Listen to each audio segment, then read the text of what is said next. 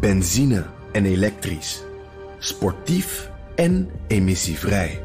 In een Audi plug-in hybride vindt u het allemaal. Ervaar de A6, Q5, Q7 en Q8 standaard met quattro vierwielaandrijving. Wat u ook zoekt, u vindt het in een Audi. Audi. Voorsprong door techniek.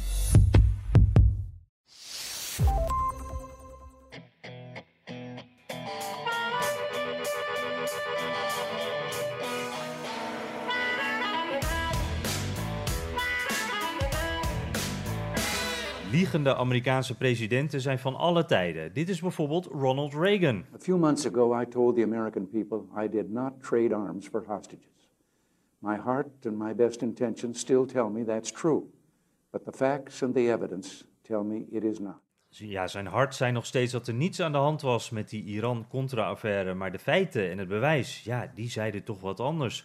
Na vier jaar de leugenfabriek van Trump zijn de verwachtingen voor beide natuurlijk hoog gespannen. We maken de balans op. Is na al die liegende presidenten dan nu de waarheid die regeert vanuit het Witte Huis? Ook een blik op de partij buiten de macht, want die liegen zelf over. Nou ja, luister maar. No burgers on July 4th. No steaks on the Barbie. I'm sure Middle America is just to love that. Dit is aflevering 75 alweer van de Amerika-podcast. Mijn naam is Jan Posma, aan mijn eettafel in Washington met een lekkere beker koffie. Met erin ook een klein scheutje waarheidsserum. Mijn naam is Bernard Hammelburg vanuit Amsterdam met een blikje suikervrije frisdrank van een bekend merk uit Atlanta. dat, ja, en dat, dat, dat merk voert een boycott tegen zijn eigen staat, Georgia, vanwege de omstreden nieuwe kieswet. Biden noemt die wet een schande onder meer omdat de stembussen om vijf uur dichtgaat. Alleen, dat is niet waar. Ze mogen zelfs met die nieuwe wet tot zeven uur open. Van 9 tot 5 geldt op extra dagen voorafgaand aan de verkiezingen voor mensen die eerder willen stemmen. Ah, zo kom jij dus zelfs met het, het drankje dat jij op dit moment drinkt, waarvan iedereen kan wel, raden, wel kan raden wat het merk is, uh, op Biden en uh, wat hij allemaal zegt en of dat waar is of niet. Ja, ja precies. Ja. Het is gewoon een leugentje was het. Precies, hij wilde het even wat harder aanzetten. En uh, ja, dat soort leugentjes, ja, onwaarheden, dat, dat zijn er wel wat meer geweest de laatste tijd. CNN, die zette op een rijtje hoeveel het er precies waren. En uh, Biden heeft verspreid in zijn eerste 100 dagen uh, 29 onwaarheden, onjuistheden, onjuistheden uh, uitgesproken. Um, ja, we moeten zo maar even bespreken of dat nou veel of weinig is. En, en teleurstellend of verheugend. Maar eerst even een paar voorbeelden. Um, ja, Bernard, eentje die, die me wel opviel. Uh, China telt meer gepensioneerden dan werkende mensen, had Biden het over. Uh, dat kunnen we ook even laten horen. And I came back and said they're going to end their one, China, their one child policy. Because they're so xenophobic, they won't let anybody else in. And more people are retired than working. How can they sustain economic growth? When more people are retired. Ja, en dat uh, blijkt uh, onzin, hè? want er zijn uh, eh, 800 miljoen werkenden in China en 250 miljoen gepensioneerden. Ja, hij zegt het vol overtuiging, maar het klopt dus niet. En zo zijn er wel wat meer. ja, zullen we eens eventjes één frame bij langs gaan? Ja, ja, laat maar wat horen. Ja, ja, ja. 20 is een hoop, ja. Ja, ja. nou, de, de meest illegale immigranten zijn geen Latino's. Is ook iets wat uh, Biden zei. Nou, dat is onzin, want twee derde is dat wel. Uh, hij had het ook nog over uh, migranten waarvan de, de, overgrote meerderheid aan de Mexicaanse grens wordt teruggestuurd. Dat is ook onzin, minder dan de helft. Gaat het dan om. Nou, het ging ook bijvoorbeeld over de belastingwet van Trump, hè, dat die belastingen omlaag gingen. beide zeiden van 83% van het voordeel komt terecht bij die 1% van de bevolking, die allerrijkste. Nou, dat klopt ook niet. Dat was een schatting van een, een denktank voor nou, het jaar 2027, dus iets voor de toekomst. iets wat nu nog niet zo, zo is. ja, Bijna zegt, zet dingen wat harder aan. Zit er ook soms naast. Volgens mij, zoals in het geval van China, dan lijkt me dat gewoon een foutje. Uh, uh, ik heb het idee dat het niet altijd bewuste leugens zijn. In ieder geval niet, niet zoals we dat bij Trump hebben gezien. hoe zie jij dat, Bernard? Zitten hier nou moedwillige leugens tussen of zijn het slordigheden? Nou ja, dat zijn twee verschillende dingen. In de eerste plaats, wiens schuld is het? En in de tweede plaats, wat voor rol speelt hij daar zelf in? Um, wat dat eerste betreft, ja, dat is het verhaal ook wat op het ogenblik in de politieke crisis in Nederland spreekt, eh, speelt. Allerlei foute dingen die worden dan ehm, eh, toegerekend aan of toegekend aan de ambtenaren die dat allemaal voorbereiden. En dat is natuurlijk ook vaak waar. Die komen met allerlei eh, berekeningen en teksten en ga zo maar door.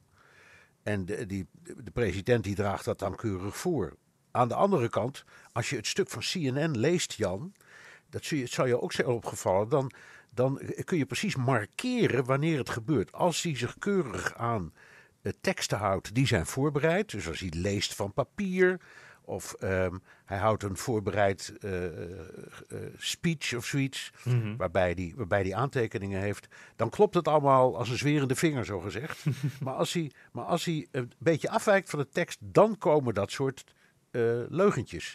En om even terug te gaan, je, je liet nou een, een, een fragmentje horen van, over China, waarin hij dus zegt, er zijn veel meer gepensioneerden dan werkenden. Nou, dat is duidelijk voorbereid door zijn eh, staf. Eh, daar ben ik van overtuigd. Maar die opmerkingen die hij van tijd tot ma- tijd eh, maakt over Latino's aan de grens, ja, die schudt hij volgens mij zo uit zijn mouw. Dus dat zijn. Maar goed, jij, jij bent, je bent wat vriendelijker. Dat ben je altijd. dus je hebt het over onjuistheden. Ehm, eh, ja, ja, meneer Rutte, zeg ik dan. Voor mij zijn het gewoon, voor mij zijn het gewoon leugens, Jan. Ja, ja, ja, nee, ik snap wel wat je bedoelt. Maar ik denk dan ook van soms, da- dan zit er niet echt, eh, eh, heeft hij er niet wel wat mee gewonnen. Bijvoorbeeld in het geval van, van China, dan denk ik van, eh, ja, is dat dan een leugen? Al- Als je gewoon iets zegt wat niet klopt. Het is niet dat hij er wat mee bereikt heeft, toch? En dat heb ik bij wel meer eh Biden eh, uitspraken het gevoel van, nou ja, hij zet het misschien een beetje wat aan. Dat doet elke politicus. Maar wint hij er nou echt heel veel mee? Nou ja, maar, maar dat van die, die werkende en gepensioneerden in China, dat was dus tijdens de zogenaamde town hall meeting. Mhm. Dat werd dus live uitgezonden met weet ik veel hoeveel honderdduizend of misschien wel miljoen eh, kijkers. En op dat moment is het voor die mensen de waarheid. En dat kan een tijdje duren. Mhm. Dus die, je, kunt, je kunt het niet afdoen als een versprekingje of zoiets. En bij wat er heel veel met, er, zit- er zitten miljoenen mensen die daar getuigen van zijn. Ja, ja je, je- Dus- als dus- president moet je aan een hoge. Je, eh, je, je komt er niet zo simpel mee weg, vind ik. Ja, ja. En, en wat voor gevoel heb jij hierbij? Want jij geeft nu een voorbeeld dat, dat eh, de, de staf in het Witte Huis eh, het ook heeft opgesteld. Maar eh, ik heb het gevoel dat Biden ook af en toe gewoon zo'n soort van. ja, de, de, zijn politieke kant. Het is een geboren politicus natuurlijk. Dat hij dat toch niet helemaal in de hand heeft. En dat hij een beetje wil overdrijven ook. Dat hij het even wat Ja. groter wil maken. Hij wil het aandikken.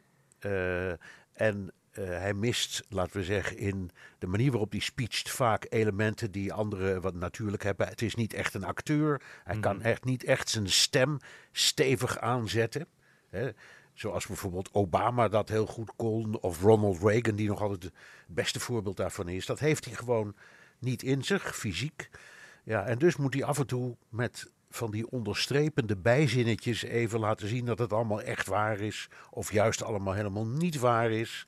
Of dat hij eh, er veel meer aan kan doen of weet te doen dan op dat moment vaststaat. En daar zit het gevaar voor hem. Ja, ja. Dus het, is, het, is- het heeft te maken met een eh, spreektechniek. Maar leugens zijn leugens, Jan. Het is, of, hoe het nou, of het nou zijn ambtenaar is geweest. Of hij wilde zichzelf een handje helpen door even iets wat dikker aan te zetten. Maar ik vind het toch belangrijk als hij dat soort. zo- Het voorbeeld wat in het begin gaf over die kieswet in Atlanta. Of in, sorry, de kieswet in, Georgia, waarvan hij zegt, ja, ja omdat die, dan blijven die stembureaus maar tot vijf uur open. Dat is gewoon een aperte leugen. ja. Eh, en ik be- begrijp het wel, omdat hij heel boos was over die nieuwe kieswet. Maar juist dan moet je wel even je feiten checken. Ja, en, en daar begrijp ik het dan dus juist niet. Want dan denk ik van ja, eh, er zijn genoeg eh, feiten te noemen aan die kieswet die, die, eh, eh, die schandalig zijn. Dus waarom zou je het dan extra aanzetten? Je hebt eigenlijk het gelijk al aan je kant. Waarom zou je dat doen? Ook dat.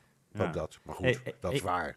Hey, en jij zei nog, hè, want dit is het gevaar voor Biden. Ik moet dan ook denken aan, aan de oude Biden, hè, de, die, die wel eens eh, eh, wat dingen riep eh, zonder dat hij daar goed over nadacht. Heb jij nou ook het gevoel dat dit iets is wat, wat een, een- weer een gevaar gaat worden voor Bidens presidentschap? Dat hij nu nog vrij netjes is hierin, maar dat hij straks misschien wat losser gaat zijn en dan weer dingen gaat roepen die echt onverwacht zijn en die echt niet de bedoeling waren? Ik denk dat hij strenger moet zijn tegen zijn staf. Eh, want je hebt het over zijn verleden en nou schiet me plotseling een van zijn mislukte presidentsraces te binnen. Ik ben vergeten in welk jaar.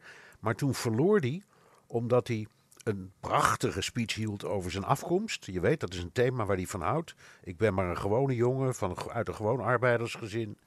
Alleen die, die tekst die bleek letterlijk te zijn gekopieerd van een Britse Labour-politicus, Neil Kinnock. Ja. Die ook bezig was met een verkiezingscampagne. Dus de, de stafmedewerker die dat had gemaakt, die had het gewoon gejat. Ja, dat was En- 88. En, en, ja, en, en Biden, ja precies, en Biden is dat braaf gaan voorlezen. Daar zit een les in voor hem. Eh, want dat soort dingen, ja, dat herhaalt zich. En heel veel van die teksten zijn voorbereid. En ik denk, ik vind het een goede vraag van je. Loopt hij nou die komende jaren gevaar dat hij zich daar een keer in klem loopt? Jazeker. En ik, als ik hem was, zou ik veel strenger zijn tegen zijn staf. die moeten hem en- ook helpen in het gereel te Je moet ze- zeggen, jongens, ik wil eh, fact-checkers hebben in ons eigen eh, het Witte Huis. Als ik iets zeg, dan moet ik 100% zeker zijn dat het tot, op, tot na de komma klopt.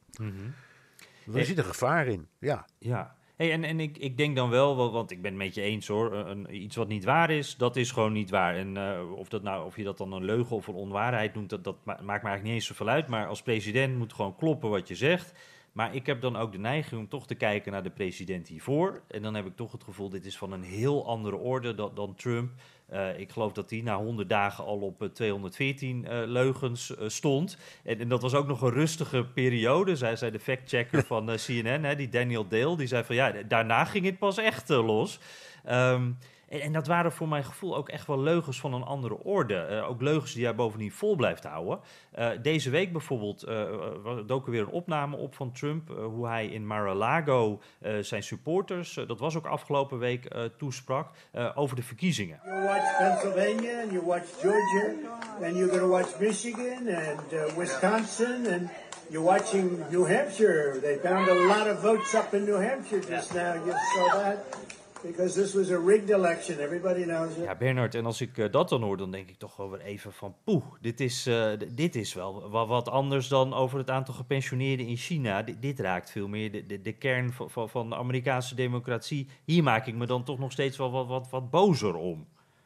Ja, dat natuurlijk. En, en omdat, ja, Trump was natuurlijk een notoren leugenaar en ehm, van een hele andere orde. Eh, alleen, ik, ik, ik weet niet of ik Biden zo makkelijk laat wegkomen. Want je noemt nu ehm, de, de voorbeelden waar we het over hadden. Hij had het ook over die belastingmaatregel van Trump. Jij noemde hem straks zelf al. En dan, dan gaat hij dus staan zeggen: ja, jongens, dat is eh, de 83% van het voordeel komt maar terecht bij 1% van de bevolking. Dat doet pijn als je dat zegt voor een heleboel mensen. Die, die nemen dat serieus. Ja, ja, dat het- is eigenlijk gewoon heel populistisch. Hè? En dat is precies hetzelfde wat Trump deed. Ja, Gewoon, ja, er is geen verschil. Dat is precies wat Trump ook deed. Hij gebruikte een gegeven dat iemand had geschreven of, ge- of getweet of tegen in zijn oor had gefluisterd. En dat boog hij om naar zijn eigen waarheid. Ja. Dus, dus, dus, en hij deed het veel vaker en veel rabiater. Eh, en ook vaak gemener. Dat zal allemaal wel. Maar het, het, ik, ik vind, nogmaals, je moet, hij, hij moet daar echt mee uitkijken hoor. ja. Dat zijn, ja. Nou, wat je zegt, dat is inderdaad wel interessant. Het, het, het gaat vaak om die context. Het is vaak een uitspraak die eigenlijk wel klopt, alleen dan blijkt de context anders. Het blijkt anders te zijn dan, dan dat je. En uiteindelijk betekent het dus, heeft het dus ook door die context een andere betekenis. En dat is inderdaad in het geval van die belasting iets wat Biden eigenlijk op dezelfde manier doet als Trump. En dan blijft dat, dat populistische zinnetje zonder die context, die context die het eigenlijk een andere betekenis geeft, die blijft dan hangen. ja, dat is helemaal waar. Hey, en eh, eh, iets waar ik ook deze week, eh, wat, wat mij opviel, eh, de- factchecker van de Washington Post, eh, de hoofdfactchecker, Glenn Kessler is dat, die eh tweette, eh, nou, ik ben kapot na vier jaar eh, Trump, dus we gaan het nu anders doen. We gaan niet meer een database bijhouden van, alle leugens die de president vertelt. We blijven Biden wel factchecken op de manier waarop we Trump hebben fa- gefactcheckt. Maar dus die, die overzichten die de Washington Post dan gaf van zoveel duizend leugens al, ik, ik geloof uiteindelijk dat meer dan 30.000 eh, l- eh, leugens en onwaarheden waren van Trump na vier jaar. Daar stoppen we mee. Geen database meer. Wat vind je daarvan? Nou, ik begrijp het, want het kost heel veel werk en heel veel geld om het te doen. Ehm, en die krant en de, de andere kranten eh, die hebben het geweldig gedaan in de periode Trump. En die gaan nu ongetwijfeld weer een beetje inzakken. Dus het is minder spannend. De, de, de, budgetten zullen ongetwijfeld naar beneden gaan. Maar het is natuurlijk ook een politieke uitspraak.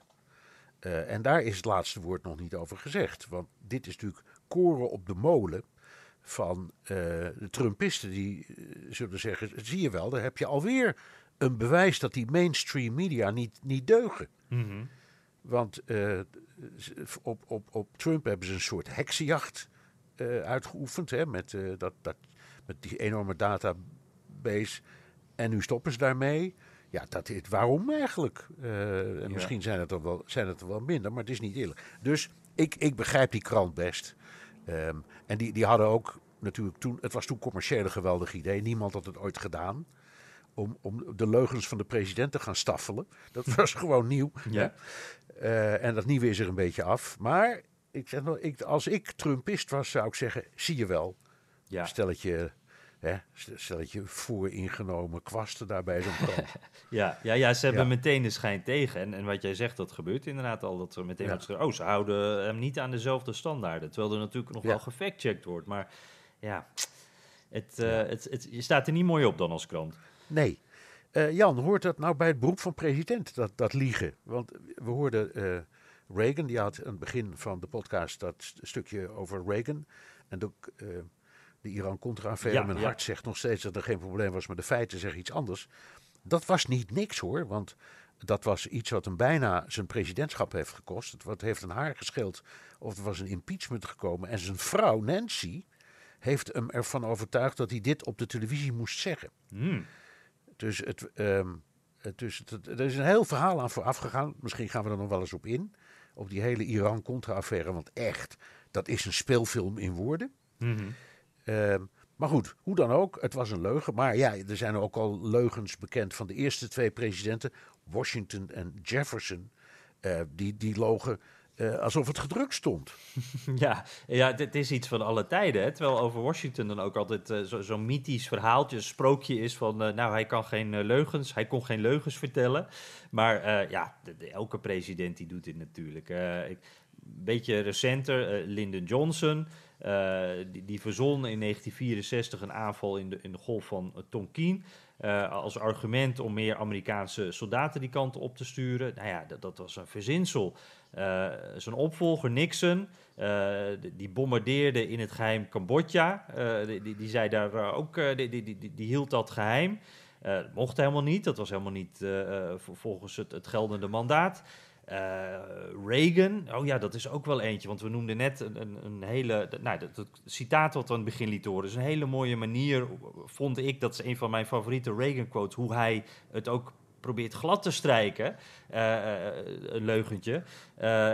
Maar ook bijvoorbeeld, hij, hij beweerde dat hij bij de bevrijding van de Duitse concentratiekampen had gefilmd, dat hij daarbij aanwezig was. Terwijl hij in de oorlog geen voet buiten de grens had gezet. Eh, Dus Bernard, dat is ook niet iets waar je je in kan vergissen. Hè? Dan ben je dus echt moedwillig eh, aan het opscheppen over iets waar je niet bij bent eh, geweest. En, en, je, en je kunt er gif op innemen dat het uitkomt. ja, precies. Er is ook dat. altijd Ja, iemand, iemand die gaat zoeken naar de beelden bijvoorbeeld. Ja, ja. Want En dat, die, wa- en die waren er helemaal niet, want nee, hij is, eh, hij, hij is de Verenigde Staten niet uit geweest tijdens de Tweede Wereldoorlog. ja, ja, ik moet ook ineens... Was dat Hillary Clinton die zei dat ze beschoten werd toen ze op bezoek was in, in eh, Joegoslavië? Ja, Of, of was dat af... Nou, god, ik moet ook... eh, ik weet niet meer waar het was. Ja. Maar in ieder geval, dat was zo'n soort gelijke bericht. Wat ook meteen gedebunked werd. Ehm, nou, ik, zal ik het eh, rijtje even afmaken. Bush 1 ja dit, zijn, bijvoorbeeld. dit zijn allemaal spannende verhalen. Ja. Ja, Bush ja. Eh, een 15-jarig meisje uit Kuwait, die, die getuigde met een verhaal dat eh, Iraakse baby, eh, soldaten baby's uit couveuses hadden gehaald, eh, op de grond lieten sterven. Vreselijk verhaal. Eh, nou, dat was een manier, de, de- deze getuigenis, zodat het congres meegekregen kon worden in, in die Eerste Golfoorlog. Nou, eh, dat wa- was eh, een beetje geheim werd dat gehouden, waar dat verhaal nou precies vandaan kwam, wie die getuige was. Dat bleek de dochter van de Kuwaitse ambassadeur in Washington te zijn. Ja, en dat, Dat, dat, dat weet ik nog, want ik, ik, ik, ik zat daar in die tijd. En ehm, dat was allemaal bedacht door een PR-bureau dat ze hadden ingehuurd. Ja, Kuwait, Kuwait had een PR-bureau ingehuurd. ja, ja. en, en, nou ja, dat, dat is, dan word je natuurlijk enorm bij de neus genomen. En, en dan uh, natuurlijk een beetje de, de leugen der leugens die we allemaal nog kennen. Uh, Bush 2, de massavernietigingswapens. Ik moet meteen aan Colin Powell denken, hè, die, die dat aan het uh, uitleggen was. Ja, daar bleek ook helemaal niks van te kloppen. Nee, en Colin, Colin Powell heeft in zijn boek dat ook beschreven. Ehm, hoe die erin is getuind. Want hij dacht dat het echt waar was wat hij liet zien daar bij de VN met al die met al die aluminiumbuizen. Dat zouden dan wapens zijn. En dat waren gewoon, weet ik veel, waterleidingsbuizen of zo. Ja. hey, ja, Jan, en dan had je natuurlijk Bill Clinton, die had geen seks met die vrouw, mevrouw Lewinsky. Ja, ja, ja, ja, ja. dat is natuurlijk ook, ook een leuke leugenaar. Ja. Um, maar het opmerkelijke, we, hebben nu een heel, we nemen zo'n heel rijtje presidenten door. Ze zijn allemaal herkozen. Ja, ja, terwijl uh, Bill Clinton, dat, dat werd hem zo kwalijk genomen. Dat werd zo'n uh, groot verhaal ook. En toch, uh, in, in, in, de, in de approval ratings deed hem dat alleen maar goed eigenlijk. En ja. ook, ook die andere presidenten, die hebben er dus niet echt de prijs voor betaald. maar de absolute kampioen, we hebben hem al even genoemd, Donald Trump... Die werd natuurlijk niet herkozen, want die, die 30.000 leugens in vier jaar, dat, nou, dat heeft wel daarin meegespeeld, uh, denk ik. Ja, nou ja, dat, dat geloof ik ook wel. Hoewel um, uh, corona en, en de bestorming van. Um, ja, het kapitool het kapitool dat natuurlijk ook in een kwader daglicht hebben, hebben gesteld. Maar ik denk dat, dat corona hem de verkiezingen heeft gekost. Maar goed, hoe dan ook. Eens. Ja. ja. Hey, en, en, uh, en Nixon noemen we dan, uh, Watergate noemen we daar nog niet eens in trouwens, in dat hele rijtje. Uh, wat mij um, opvalt daarin ook, Bernard, heel veel van die leugentjes, of leugens, die gaan over oorlog. Uh, dan denk ik van juist dan zijn die consequenties zo groot, dan zijn de ogen van de wereld op je gericht, uh, dat dan daarbij juist uh, wordt gelogen. Heb jij daar een verklaring voor, dat dat juist die verhalen ja. zijn? Ja, ja, daar heb ik wel een verklaring voor. er is een stelling, en die luidt voor iedereen die krijgskunde wel eens heeft bestudeerd: het eerste slachtoffer in elke oorlog is de waarheid. Hmm. dus op het moment dat er ergens de wapens worden opgenomen, sterft de waarheid. Uh, en daar is ook een reden voor, omdat um, je kunt het allemaal lezen als je bijvoorbeeld het, het standaardwerk van von Clausewitz leest. Hè, die, die Duitse edelman die in de 19e eeuw um, een, een, een leerboek schreef over militaire strategie. En dan zie je ook de rol van wat wij nu zou, tegenwoordig zouden zeggen communicatie of mediabeleid. Dat, dat bestond toen nog niet, maar hij benoemde het wel. Hmm. Uh, dat de dingen die je gaat zeggen, naar buiten toe brengt, die, die zijn, maken allemaal onderdeel uit van die strategie. Want de vijand hoort dat ook. Ik, geef een, een, simpel voorbeeld. Je kunt, je kunt in een oorlogssituatie, kun je als woordvoerder van het ministerie van Defensie zeggen, we hebben zo en zoveel slachtoffers gemaakt bij de vijand. En dat is voor je eigen volk heel belangrijk, want dan weet je waarom die oorlog wordt gevoerd. En die vijand die raakt ook vaak van slag, omdat hij denkt, het is niet waar, of het zijn er meer, of het zijn er minder. Maar die, die raakt ook uit balans. En het mooiste voorbeeld vind ik, wat ik zelf heb meegemaakt in de periode dat ik in Vietnam was. Dan had je elke middag om vijf uur um, in het Rex Hotel, daar zat de, het commando van de Amerikanen. Uh, daar was een, een briefing voor de journalisten um, over hoe het die dag in de oorlog was verlopen. Hmm. En daar, stond dus een Amerikaanse uh, militair in een keurig uh, uh, uniform. en een Zuid-Vietnamese collega, ook, daarna, ook een soldaat daarnaast. En die vertelde dan hoe die dag de oorlog was verlopen. en dat ging altijd hetzelfde patroon: dat de vijand naar schatting minstens 721 soldaten had verloren en aan onze kant slechts één gewonde. Dat waren dus waren pure leugens en iedereen wist dat. En wij noemden dat onder elkaar de Five O'Clock Follies. Hm.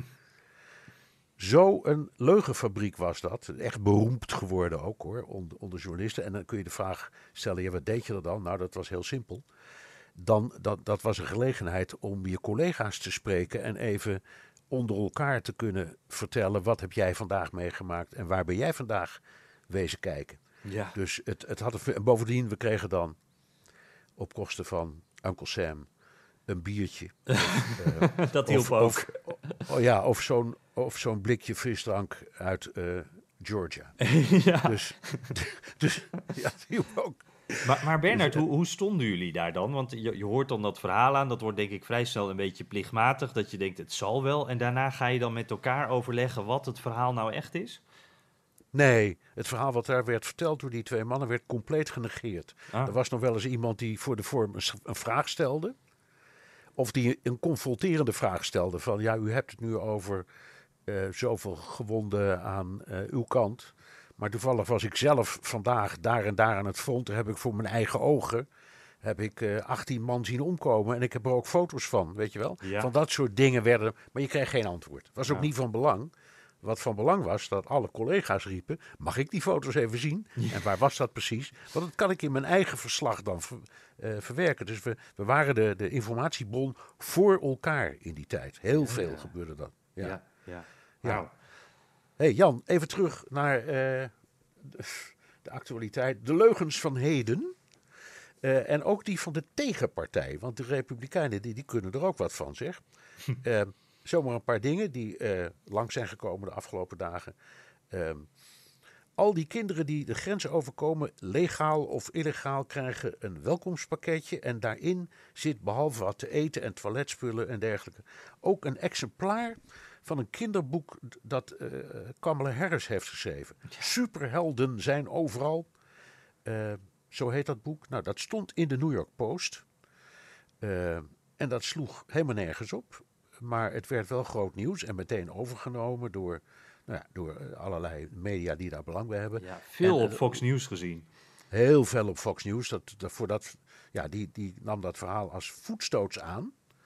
Eh, wat ook wel weer veel vertelt over zo'n station. Want die doen dus nooit aan dubbelchecken. Hè. Die pakken het uit de krant en klaar, het wordt een verhaal. De journalist die het schreef, Laura Italiano, die heeft ontslag genomen bij de New York Post. En die vertelde achteraf dat ze gedwongen was om dat verhaal te maken. Ja. Eh, dus dat, nou, ik vond dat wel wat. Hoor. Ja, Eh, ja, ja, ze zei eigenlijk een beetje van, ik wist ook wel dat het eh, niet klopte, maar ik moest, ja, ik moest dit nou eenmaal schrijven. En de New York Post zegt dan weer, wij dwingen nooit journalisten om een verhaal te schrijven. En ja, onderdeel van journalist zijn is natuurlijk juist dat je zelf kijkt en checkt en nadenkt bij, wat je, ja, bij het verhaal dat je maakt. Ja, en ook als je zelf een mening hebt en ook als je die wil verwoorden, moet je nog altijd zorgvuldig blijven met je feiten. Die moeten in afval kloppen. En ik, ik geloof dat het, dat het feit was dat er inderdaad ergens in een zaal waar kinderen lagen één exemplaar van dat boek lag. Mhm. Ja, Dus hoe dat, boek, hoe dat er nou precies terecht was, geko was gekomen, dat weet ik niet. Maar er was één, ehm, één exemplaar. En ja, dat verhaal is ook niet oninteressant over die superhelden. Omdat de strekking is, ook als je niks bent, kun je best iets worden. Hè? Dat, eh, dus dat begrijp ik ook wel. het is, Maar- het is niet maar een politiek dan- beladen boek op dat punt. Het, eh, Helemaal niet, maar, dat, maar dat dan dat wordt gebruikt. Een ander verhaal, ehm, uit, dat zul je ongetwijfeld ook op de voet volgen- gevolgd hebben. eh, Maricopa, een provincie in Arizona. ja, Daar gingen ze de stemmen opnieuw tellen. ja. Ehm, maanden na de verkiezingen. En die, die stembiljetten werden dan stuk voor stuk bekeken met ultraviolet stralen. Er zijn ook opnamen van. En dat, dat apparaat van die ultraviolet stralen, dat was dan een, een uitvinding. Daar moest ik dan wel vre- vreselijk om lachen van een zekere meneer Pulitzer. ja, en nou hebben, we hebben net de gewoonte, we maken nooit grappen over namen, maar nou mag het even. Hè? ja, precies, precies. Als je Ja. met die achternaam, eh, dan Heb ontkom jij je er niet enig aan. idee wat, wat ze met zo'n ultraviolet ding wilden eigenlijk? Ja, ik, ik- ja Bernard, ik, ik, eh, eh, ten, eerste dit verhaal van Ma- Maricopa, dat, dat eh, Maricopa County, dat, dat wordt echt in, in die, die een beetje complotkringen, wordt dat echt heel uitgebreid gedeeld. Mensen zien hier echt dan, dan weer de sleutel in van dit is weer zo'n moment, nu gaan we het dan echt zien. Eh, Trump, die, die heeft het daar ook over. Eh, we lieten net dat stukje toespraak van hem horen op eh, Mar-a-Lago. Dat gaat dan ook over dit soort eh, verhalen. Van ja, maar nu gaat het duidelijk worden. En er is ook een of andere theorie dat eh, de- dankzij Trump eh, biljetten eh, een bepaald watermerk gekregen zouden hebben. Nou, dat gaan we dan met, die, eh, met- dat UV-apparaat gaan we dat dan zien. En daaruit wordt dan duidelijk dat er dus toch grote fraude is gepleegd en dat Biden die staat helemaal niet heeft gewonnen. Ja. Ah, ik, eh, ja, dat we het daar nu nog over hebben. Ja, nou ja, en dan heb je nog allerlei derivaten ehm, van deze affaire. Matt Romney, de senator uh, Mitt Romney, die wordt uitgejouwd op een republikeins ledenconcert, uh, ledencongres in Utah, zijn Ja. staat. Ja. Ja, want hij heeft het in zijn hoofd gehaald om voor de impeachment te stemmen. Hetzelfde geldt voor Liz Cheney, de nummer drie van de Republikeinen in het Huis van Afgevaardigden. Ja. Ehm, dus je zegt, ja, hebben we het er nog steeds en weer over? Ja, want ze hebben het er zelf ook steeds en weer over. En ik heb de indruk dat. ehm, er zijn ook stukken over in de media verschenen. eh, dat de vraag aan welke kant je staat in deze kwestie van die gestolen verkiezingen. voor de Republikeinse Partij een soort lakmoestest is geworden. voor je betrouwbaarheid als partijlid. Ja. Zie, zie ik dat verkeerd of zie jij dat ook zo? Nee, ik denk dat je helemaal gelijk hebt. Dit, eh, dat- dat, zie je dus ook met Mitt Romney en met Liz Cheney ge- gebeuren. Liz Cheney die heeft zich eh, eh, ook afgelopen week weer uitgesproken, nadrukkelijk. Die heeft getweet, de- ja, die verkiezingen zijn niet gestolen, dus is geen fraude gepleegd. We moeten hiermee ophouden. Eh, nou ja, je ziet meteen dat daar heel veel kritiek op komt uit bepaalde, ja, uit Trump-hoek. Eh, dat zij dat zegt. Eh, en bijvoorbeeld ook eh, de leider van, van het Huis van Afgevaardigden bij de Republikeinen, Kevin McCarthy, die heeft ook wel iets gezegd van... ja, ik hoor toch steeds meer mensen uit mijn partij die zeggen... moeten we Liz Cheney wel in de huidige positie hier houden binnen onze partij? Omdat zij dus dit zegt. Dat is aan het schuiven. Die, die Cheney die blijft volhouden. Ook terecht lijkt me, want dit is... eh, eh, eh, er is geen bewijs voor fraude. Dit is de waarheid zoals we die kennen. Eh, eh, dus het is eh, goed dat zij dit zegt. Eh, maar er is gewoon nog steeds een hele grote groep eh, republikeinen die blijft geloven dat er fraude is gepleegd. Dat eigenlijk eh, Trump de, de terechte president zou zijn en dat dat niet eh, Jo- Joe Biden is. En, en dat, ja, ik, ik, had ergens wel het gevoel van eh, eh, dat moet toch een beetje minder worden. Mensen moeten toch op een bepaald moment denken van nou ja, eh, het is nu lang geleden, wat voor bewijzen hebben we nou helemaal? Maar, maar het blijft het blijft komen en het blijft ook gevoed worden door, ehm, ja, door- diezelfde mensen steeds. Die Marjorie Taylor Greene, hè, dat, dat vrij eh, eh, ja, heftig rechtse eh, congreslid, wat, wat ook in de, de QAnon-hoek zit. Die Matt Gates, die nu ook in opspraak is, maar ook zo'n zo'n pro-Trump-republikein. Ze blijven het allemaal zeggen. En, en die, die waarheid, die, die blijft doorgaan. D- Dit is... dit is de last cause van de, van de burgeroorlog. Allemaal nog Ja. een keer. We hebben helemaal niet verloren. Nee, de big lie, zoals eh, Ja, precies. Trump, Trump het nu heeft doen met hoofdletters. Ja. Ehm, en, en 70% van de Republikeinen, Keinse kiezers, las ik, gelooft nog steeds dat die verkiezingen zijn gestolen. En dat is toch ongelooflijk veel, Bernard? Ja. Dat is echt heel veel. Ja. Eh, en, en dat komt dan, denk ik, we hebben het er al veel over gehad ook natuurlijk, maar bijvoorbeeld in Maricopa Coun- County, waar we het al net over hadden, ik denk dat het bericht wat, wat het meeste wordt herhaald is dan, oh, er is een hertelling. Het feit dat dat gebeurt. En ik denk dat dan, dan denk je toch ook een beetje, waar rook is, is vuur als republikein. Zeker met alle berichten en, en wat Trump zegt. Eh, er zijn al zoveel verdachtmakingen geweest. En da- dan, ja, dat, dat, dat, dan komt dit op de stapel. Maar uiteindelijk is dit een hertelling die is aangevraagd door republikeinen daar. Eh, er wordt een soort audit gedaan door een bedrijf. eh, wat eerder ook complottheorieën heeft eh, verspreid, pro-Trump. Wat helemaal geen ervaring heeft met verkiezingen.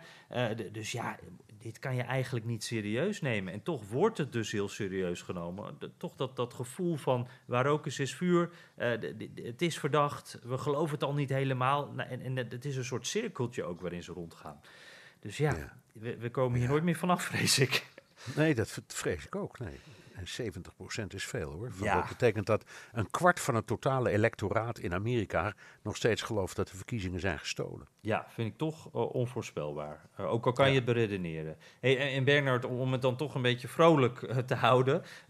wat ik dan wel de mooiste rel vond van de afgelopen weken. Dat was die rel over de hamburgers, over het vlees.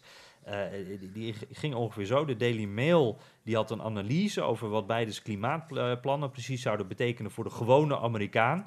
En eh, nou, de conclusie was dan om de klimaatdoelen te halen, dan moeten de Amerikanen stoppen met het eten van vlees, eh, gevogelte, vis, eieren, zuivelproducten.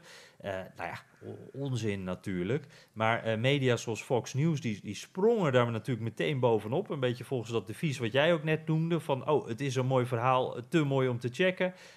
bijvoorbeeld Larry Kudlow. Eh, die kennen we nog hè, als belangrijke economisch adviseur voor Trump. Die is nu Fox News presentator. Speaking of stupid, there's a study coming out of the University of Michigan which says that to meet the Biden Green New Deal targets, America has to get this. America has to stop eating meat, stop eating poultry, fish, seafood, eggs, dairy, and animal based fats. Okay, we got that? No burgers on July 4th. No steaks on the Barbie. I'm sure middle America is just going to love that. Can you grill those Brussels sprouts? So get ready. You can throw back a plant based beer with your grilled Brussels sprouts and wave your American flag. Call it July 4th green. Ja, uh, Bernard, dus dat, dat aller-Amerikaanste moment, de 4th of July, als je met de familie aan de barbecue zit, wat dan weer kan, uh, uh, is ons beloofd dat je dan geen hamburgertje op die barbecue mag gooien. En hooguit één keer per maand nog vlees. Ja, het is een beetje hier alsof je. Ik bedoel, een hamburgerverbod, dat is als een pizzaverbod of een patatverbod. Dat, dat kan helemaal niet. Dit is, dit is het Amerikaanse eten natuurlijk. Um, dus uh, ook dat populisme, wat natuurlijk echt dan een deel van de Amerikanen echt in de ziel raakt. Want kom niet aan mijn hamburger. Um, nee. Ik weet dat jij ook een hamburgerliefhebber bent. En, en, jij weet vast ook meer van, van waar dat nou vandaan komt. Dat, dat, die mythische status van die hamburger. Ja, nou ja, dat, dat, dat, is, dat is meegekomen met de Duitse immigranten uh, in het midden van uh, de 19e eeuw, zo rond 1848. Toen had je al die, die, die, emigranten uit Europa, ook, heel, ook Nederlanders die toen zijn vertrokken, en Schotten en Ieren en Italianen, een heleboel groepen zijn er gekomen. Maar veruit de grootste van die groepen waren de Duitsers. Dat is ook nog altijd de grootste etnische groep in Amerika. Vergeten we wel eens. Hè? Hmm. Dus je kunt zeggen, het hele Middenwesten heeft, heeft Duitse wortels. En die, die, die aten ehm, wat wij nu uh, tartaar noemen. En dat is weer afgeleid van de Tataren. Dus een volk, uh, ik zal maar zeggen, in de buurt van Rusland. Uh, want die waren heel beroemd om hun, sma hun, hun liefde voor rauw vlees. Mm. Maar goed, dat was dan naar Duitsland overgekomen. Uh, nou ja, en voor de Duitsers die naar Amerika uh, kwamen, ja, die, iedereen wordt dan geïdentificeerd met iets. Dus de Duitsers die kwamen allemaal uit Hamburg, dacht de rest van, ja. van, van Amerika. Lekker makkelijk. En, en toen bedacht in 1867 een arts, James Salisbury, dat gebakken plakken tartaar gezonder waren dan rauwe. Ja, nu denk je, dat is niet zo raar. Maar in die tijd hadden ze daar nog niet zoveel verstand van. En daarmee ontstond wat dan werd genoemd de Salisbury steak. Dat was ja, een tartaartje, maar dan gebakken. Uh, en, en, en heel kort daarna werd de gehaktmachine uitgevonden. Dus vanaf dat moment kon je vlees malen. en uh, nou, toen kwamen de hamburgers. Uh, en die ja, aanvankelijk eerst in van die straatwagentjes, weet je wel, van die van die voedselkarren, die heb je nog steeds heel veel in Amerika. Daar was het nou typisch een, sorry, een onderdeel van.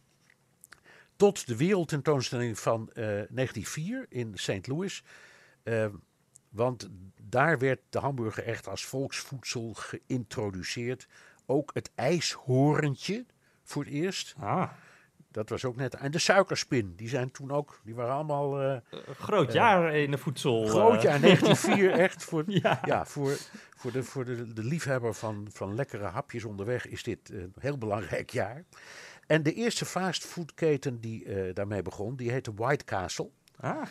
was eigendom van Edgar Ingram en Walter Anderson. Die openden in 1921 hun eerste zaak in Kansas. En die, die eh, dat werd een keten. Ja, die bestaan nog steeds. Filia. Ja. En die hebben dus uh, en die hebben enorm ingezet om, op het idee van hygiëne en alles goed schoonmaken en dat vlees controleren. En dat was ook nieuw. Dat dachten ze tot op dat moment ook nog niet zo enorm. En uh, wij kennen natuurlijk allemaal McDonald's, maar die is pas uit 1958. En Burger King pas uit 1954 en Wendy's uit 1969. Ja, dus, die volgden pas dat- veel later. wij- Wij denken hamburger is McDonald's, maar dat, die kwamen dus veel later en die hebben dat veel groter uitgepakt. Hoe zit het trouwens, Jan, met het vlees eten in, in eh, Amerika? Zijn het grote carnivoren, Amerikanen? Ja, nou, dat, dat zijn het zeker wel. En eh, ik moet ook zeggen, trouwens, eh daar moet ik ineens aan denken. Ook toen dat, dat, eh, die, dat berichtje op Fox News dus voorbij kwam van... oh, jullie mogen geen vlees meer eten. waren er allemaal republikeinen die dus foto's van gigantische steaks... op Instagram en op Twitter en op Facebook zetten. En zeiden van, nou, dit is mijn antwoord. Ik ga even een paar kilo vlees eten... voor elke kilo die ik eigenlijk niet meer mag van Biden. Eh, ja, ze houden er wel van natuurlijk, hè. Maar Amerika staat op de derde plek, eh, na China en Australië. Maar eh, nog voor Argentinië, waar ze toch ook wel van vlees houden. En Ja. even te- per- per- eh, voor het perspectief, Nederland staat op de negentiende plek. Dus Ja. dat, Dus het zijn, het zijn mega vleeseters. het zijn de, ze staan in de top ze- drie. Ja, Ja, als ze meer eten dan Argentijnen, dan ben ik overtuigd. ja die Hey, ook wel even Jan, een steek. Jan, ja. Jan even, even ten slotte, ik heb een vraag. Eh, woon jij binnenkort in de State of Washington Douglas Commonwealth? oftewel in de 51ste staat? Nou, ik moet zeggen, Bernard, eh, ik denk het niet. Maar als ik hier de straat op ga, dan staan overal weer die bordjes. Ze zijn niet meer voor Biden eh, in de tuin. Die zijn allemaal wel weggehaald, de meeste. Maar die zijn allemaal nu voor eh, de, de maak van onze 41ste staten, inderdaad. Dat willen ze hier. 51ste, Ja, ja. 51ste, ja, dat willen ze hier zo graag. En nou, we hebben nu het Huis van Afgevaardigden, die, die, die zijn er nu voor. Eh, de Democraten die zijn bezig met dit initiatief om dus van eh, Washington de 51ste staat te maken. En dan krijgt het die mooie naam inderdaad. Maar de Senaat, dat, dat, dat is natuurlijk eh, het struikelblok. Eh, Joe Manchin, eh, democraat, eh, da- daar hebben we ook al vaak over gehad. Hè? Dat is zo'n democraat die een beetje zo op het randje zit, eh, die ook wel eens met republikeinen meestemt. Eh, die is tegen. En ja, dat zou wel eens de doodsteek kunnen worden. wa- Want hoeveel eh, republikeinen krijg je verder nog mee voor dat plan? Eh, republikeinen zijn behoorlijk tegen. Dus ik ben bang dat, dat Washington die, gekke status eh, blijft houden. waarbij ze dus eigenlijk ja, ni- niet echt mee mogen praten in het Amerikaanse congres. Er, is wel, ze hebben wel vertegenwoordiging in het Amerikaanse congres, maar die, die mogen niet meestemmen. Eh, Dus je hebt ook nog steeds hier eh, op de, onder de nummerborden, er staat dan zo'n eh, staat, de devies, zo'n motto. no taxation without representation. Met natuurlijk die, die, politieke lading die, die nog teruggaat de- naar de Amerikaanse revolutie. Die, die blijven hier nog wel even, denk ik. Ja, dat was, dat was het argument dat, dat de kolonie Amerika gebruikte tegen Engeland. Omdat ze zeiden, we moeten wel belasting afdragen, maar we hebben geen vertegenwoordiging in het Britse parlement. Dus, we eh, mogen eigenlijk niet de meepraten. Wel belasting betalen en en- niet en mee ik- mogen praten. En het- is het nou, laten we het even simpel houden, is het gewoon zo dat eh, er zoveel weerstand is tegen het idee dat eh, Washington DC een staat wordt, omdat het zo overweldigend zwart is en dus heel veel politici denken, oh jee, dan, dan creëren we een nieuw democratisch blok. Ja, ik denk dat dat het echt is. En je ziet in het verleden ook wel, als er dan nieuwe staten bij kwamen, dan was er vaak wel iets van, oh, dan maken we er en een democratisch en een republikeins eh, combi van, of een soort compromis, eh, zodat het, het, mag, het machtsevenwicht eigenlijk niet wordt verstoord. Ja, republikeinen die halen er allerlei argumenten bij. Eh, echt van, van de, de, de gekste die ik heb gehoord was van, oh ja, maar eh, Washington DC heeft niet eens een, een car dealership. De- je kan hier niet eens een auto kopen. Dus, dus het moet zo'n klein dwergstaatje, eigenlijk zo'n dwerg eh, eh, district, moet dat dan eh, de, de rechten van een echte staat krijgen? Nou ja, dan eh, je krijg je hier de inwoners wel op de, de kast natuurlijk. Er was wekenlang werden hier allemaal foto's gedeeld van alle car dealers die je hier in de buurt hebben. Er werd gezegd van, ja, maar wacht even, hier wonen meer mensen dan in sommige staten. Eh, dus dit slaat helemaal nergens op. Nee, en Maar- als je naar Rhode Island kijkt, of voor mijn part naar Delaware, dat zal niet veel groter zijn hoor dan Washington DC. Nee, precies. Dus, eh, en, en er wordt, maar er, er wordt hier inderdaad wel gezegd van ja, wacht eventjes, er wonen hier heel veel eh, zwarte Amerikanen. Dat zijn overwegend democratische kiezers.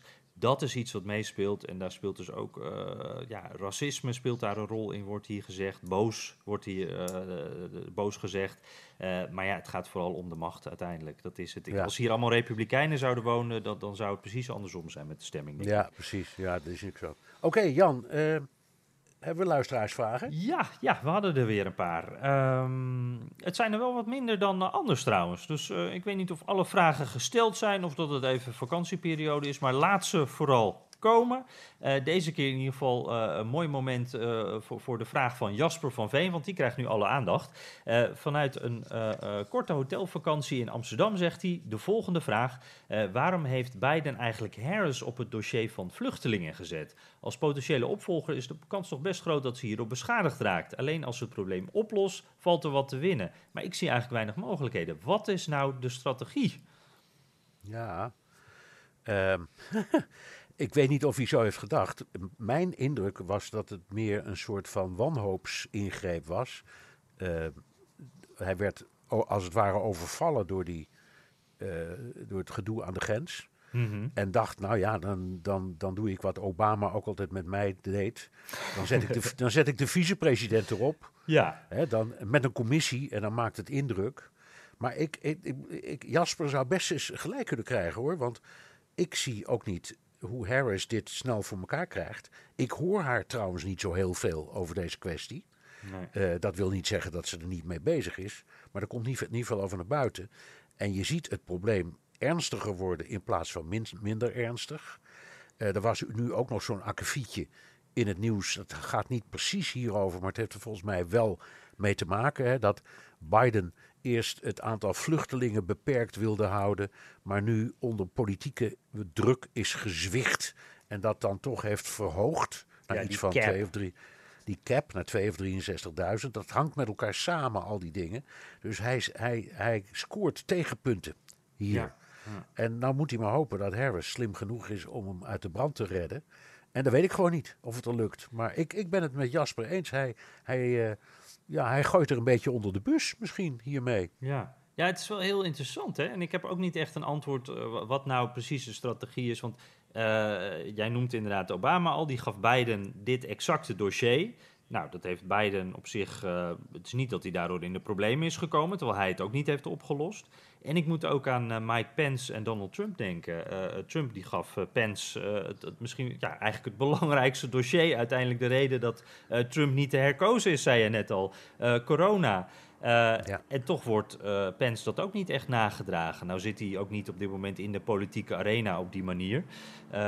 Maar het is interessant om te zien en, en interessant op wat voor manier dat haar inderdaad kan worden nagedragen als haar eigen politieke ambities weer wat groter worden straks. en ook ja. hoe, hoe, Fox News en die rechtse media dat gaan blijven oprakelen als het zover zou zijn. Ja, dat doen ze zeker. Ja, ja, ja dat, uh, dat, die, die spotjes schrijven zich vanzelf. In ieder geval, uh, dank Jasper. We houden dit in de gaten. En ik heb het gevoel dat we hier ook nog wel een keertje op terug gaan komen. Denk je niet, uh, Bernard? Ja, zeker, zeker, zeker. Ja. Hey, en dan had ik nog een vraag via Twitter van Plogger Paul. En Bernard, ik moest eventjes uh, opzoeken, want ik was toch wel benieuwd, wat is nou een plogger? Weet jij wat een plogger is? Nee, ik heb geen idee. Nee, ik ook niet. Uh, blijkbaar is dat uh, als je afval opruimt en dat combineer je met hardlopen. Dus je gaat een stukje hardlopen en als je dan wat afval ziet, dan, dan haal je dat even op. En zo hou je dus je, je wandelroute ook schoon. Vond ik een mooie oh, wow. term. Had ik nog nooit ja. van gehoord. Uh, hij heeft een vraag voor uh, onze podcast. Hij zegt: uh, Is er voor Mr. Chauvin, Derek Chauvin, de, de, man die recentelijk achter de tralies terecht kwam vanwege de dood van George Floyd, is er eigenlijk een aparte gevangenis voor in verband met mogelijke represailles? Want, nou ja, die Chauvin, dat is natuurlijk niet een populaire man. En die zal ook in de gevangenis, nou ja, dat, dat, dat, dat zal een gevaarlijke plek zijn voor hem om eigenlijk te zijn. Dat is eigenlijk de gedachte. Um, ja, ja ik, ik, was al even een beetje gaan zoeken, want ik, ik had er wel iets over gelezen. Ik wist niet meer precies hoe het zat, maar op dit moment zit Chauvin uh, apart, geïsoleerd uh, van, van zijn andere uh, ja, gevangenisbewoners, zeg maar. en dat is in ieder geval tot het moment dat zijn gevangenisstraf wordt uitgesproken. En dat duurt nog een aantal weken. Ja, ja. En, en misschien gaat hij nog in hoger beroep, dat kan ook. Ja. Um, er bestaan, als antwoord op de vraag, bij mij weten geen aparte gevangenissen voor dit soort gevallen. Maar wel altijd uh, geïsoleerde afdelingen of aparte cellen. Uh, en dat heb je bijvoorbeeld ook, dat komt met grote regelmaat voor, met bijvoorbeeld pedofielen of kindermoordenaars of dat soort dingen. Dat is natuurlijk ook aangeschoten wild in zo'n gevangenis. Hmm. Dus die moeten ook in bescherming worden genomen, zal ik maar zeggen. Gewoon om hun leven. En die gaan dan ook vaak in zo'n isoleerafdeling of zo'n isoleercel. Ja. Zat uh, Ja. Epstein ook niet in een aparte gevangenis eh, Ja. in New. York? En, en daar zaten volgens mij ook wel wat terrorisme eh, verdachten in het verleden. Zo'n zo'n plek Ja, waar, zeker. eh, Ja, ja, zeker, zeker, zeker. Maar die, ja, nou ja, goed. Dat klopt. Die zat ook in een isoleercel. Ja. Nou, eh, dat dus. Eh, nou, laten we hem daar eens eh, mee eh, afronden dan, eh Bernard. Ja. Heb je, heb je nog eh, recensies, Jan? Ja, ja, ja, ja. Eens even kijken. Pot Kritisch was eh, eh, de, de, de naam. En die zegt dan, het zijn wel vijf sterren gelukkig, beste podcast over Amerika. In de aanloop naar de verkiezingen veel geluisterd naar podcasts over die verkiezingen. Vele zijn goed, maar geen enkele is zo onafhankelijk en journalistiek in orde als die van jullie. Nou, Zo, dat is er even één om bij stil te staan. Heerlijk. dat vind ik ook. Ja, dat is eh, mooi. Heel erg bedankt. Hij zegt eh, geweldige stemmen, interessante onderwerpen. Niet vanuit de onderbuik, maar vanuit de realiteit. Hij zegt wel, ik ben zelf een stuk progressiever en schreeuw soms om een afrekening van Trumps idiotie. Maar begrijp ook dat jullie journalistiek bedrijven en niet veroordelen. En voor die afrekening zegt hij, dat is nog wel een tip, ook voor de luisteraar kan ik goed luisteren naar Pod Save America. Dat is zo'n eh, podcast van eh, eh, oud-Obama-medewerkers onder andere, wat inderdaad dat, dat linkse geluid, dat, dat progressieve Amerikaanse geluid goed laat horen. En hij zegt, ga zo door, ik blijf luisteren vanuit Brussel, vaak tijdens het koken. Ja, altijd goed podcastmoment. Nou, goed, ja. Terugluisteren kan via de BNR-site, Apple Podcast en Spotify. Heb je vragen, opmerkingen, kritiek of complimenten, dan kan dat ook met een tweet naar Jan Postma USA of BNR De Wereld. Of heel ouderwets, met een mailtje naar dewereld.bnr.nl. Ja, we zijn heel benieuwd naar jullie berichten. Volgende week zijn wij er in ieder geval weer. Tot volgende week.